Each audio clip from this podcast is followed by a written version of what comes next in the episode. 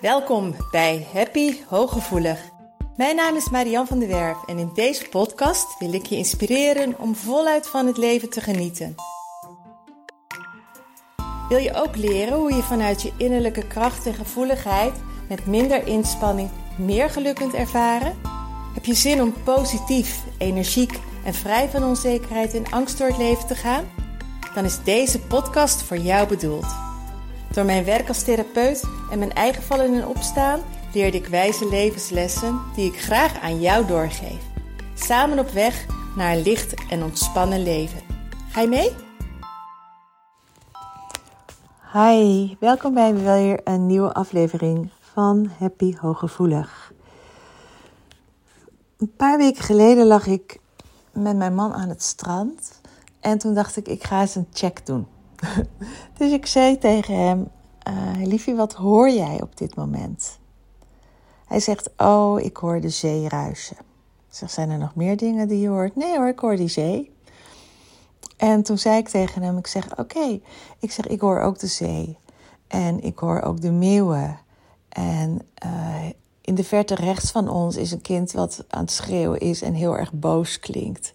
En een vader die daarop reageert. Ik zeg, en achter ons zijn er die mensen die hebben een gesprek over dat en dat en dat en dat. Ik zeg, en de mensen rechts van ons, naast ons, die doen heel erg hun best om heel zachtjes te praten. Um, maar die hebben een beetje moeite met de kinderen, want die willen niet luisteren. Ik zeg, en links van ons uh, zit een mevrouw en die hoor ik af en toe de bladzij omslaan. Ik zeg, en heel in de verte, achter ons, um, is muziek. Heeft iemand een uh, radio of wat dan ook.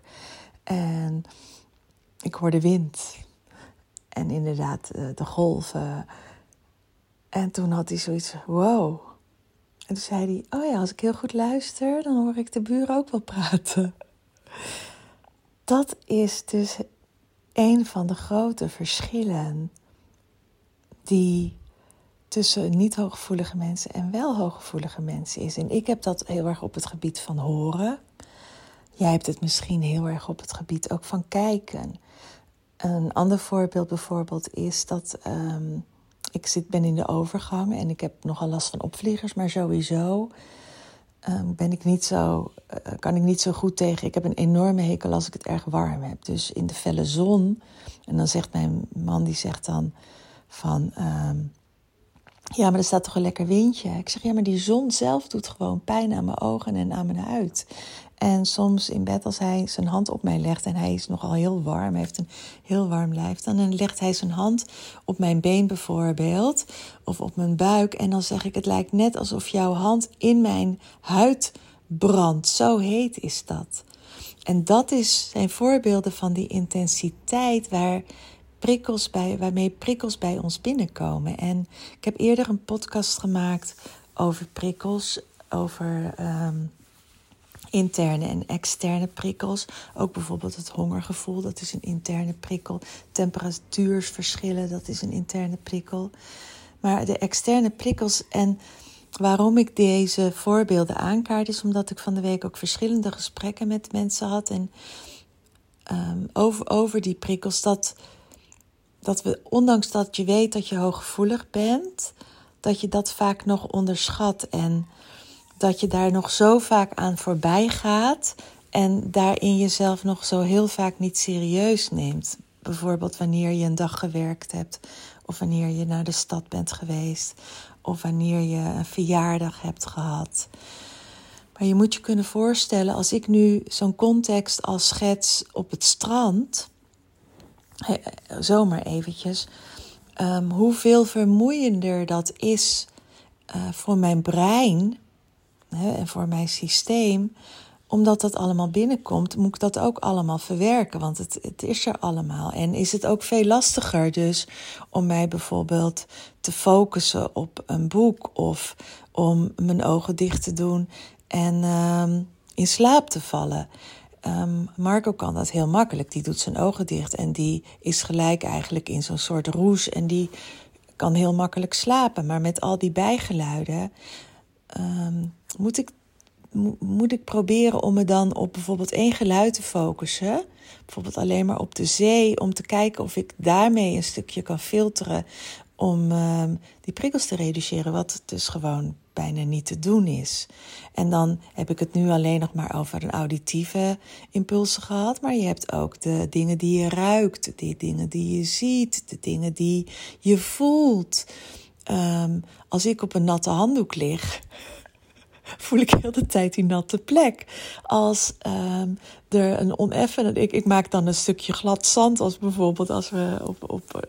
Maar als er dan bijvoorbeeld ineens een hard stukje ergens is of een vervelend kuiltje, dan moet ik weer anders gaan liggen, omdat ik heel de tijd me bewust ben van dat mijn voet daar op een hard stukje ligt, of dat ik in een irritant kuiltje lig, of dat ik juist een kuiltje wil hebben omdat mijn stuitje op een te hard plekje ligt.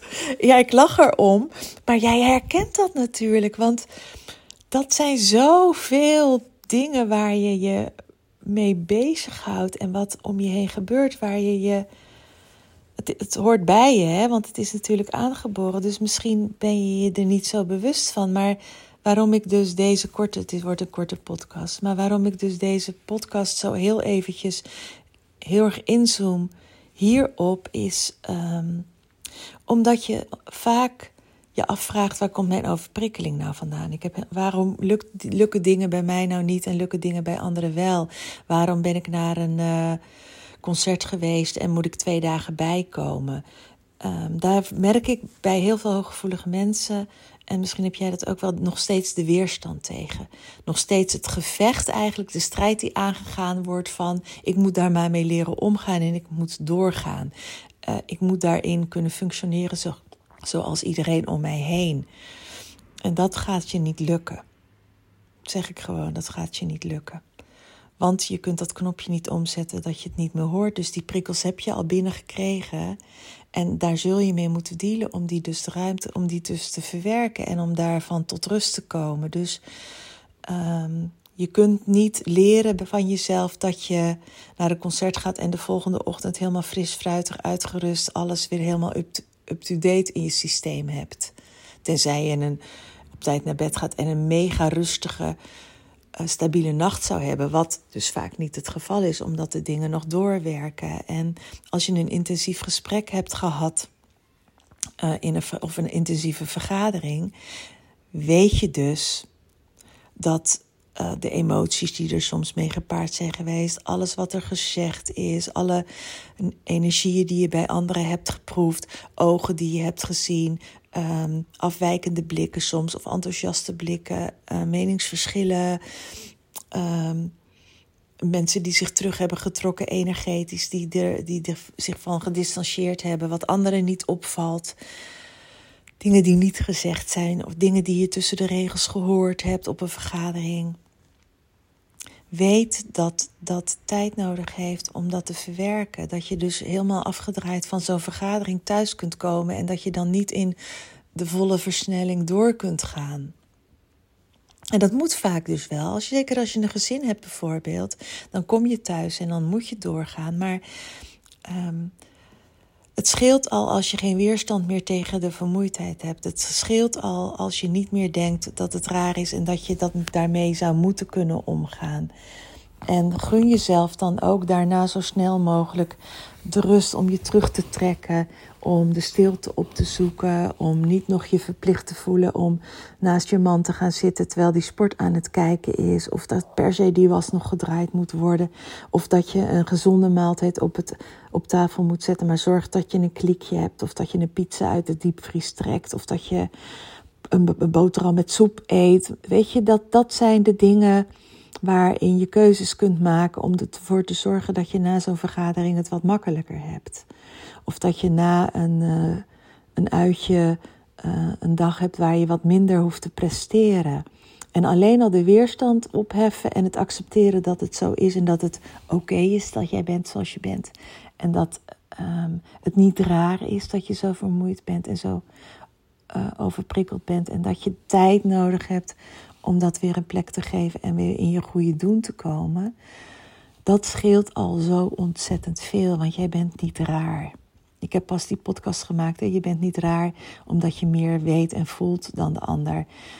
Um, maar leer jezelf daarin kennen. Ik weet dus van mezelf dat ik het dus vooral op auditief vlak heb. Dat ik heel veel last heb van uh, Um, pas zei iemand ook, ik heb oordop, een cliënt van mij die zei vorige week, ik heb tijdens de vergadering oordop ingedaan. Daarmee um, hoorde ik wel alles, maar dempte ik een beetje de hardheid van de stemmen en de geluiden en de discussie. Dus dat kan al een hele mooie tip ook voor jou zijn om dat bijvoorbeeld te doen. Ik ga altijd achteroverleunen. Ik zet mijn stoel altijd uh, snel al wat verder naar achteren, zodat ik niet in de cirkel ben, maar een heel klein beetje uit de cirkel. En voor anderen is dat bijna uh, onopvallend, maar mij helpt het omdat ik daarmee een, een stukje afstand creëer en dingen ietsje minder hard binnenkom. Dus ga eens kijken, ga eens ontdekken op welk gebied um, de zintuigen, de, de, zintuigelijke waarneming bij jou het meest binnenkomt, waar jij het meeste last van hebt, waar jij het minst goed, waar, waar jouw filter het minst goed werkt.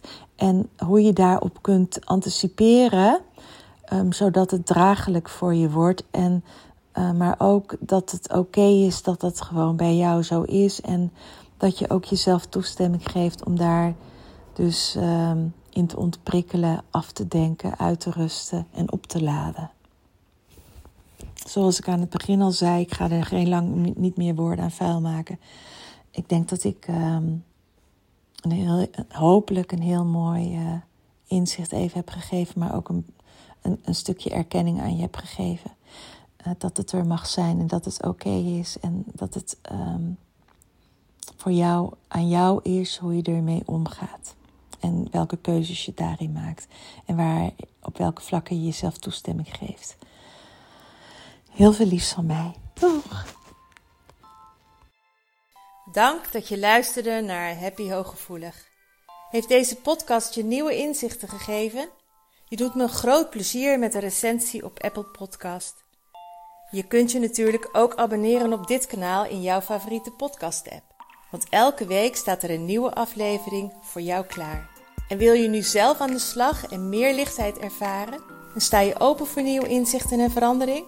Neem dan vooral eens een kijkje op mijn website www.zienswijs.nl. Daar help ik je graag nog verder. Zie ik je daar?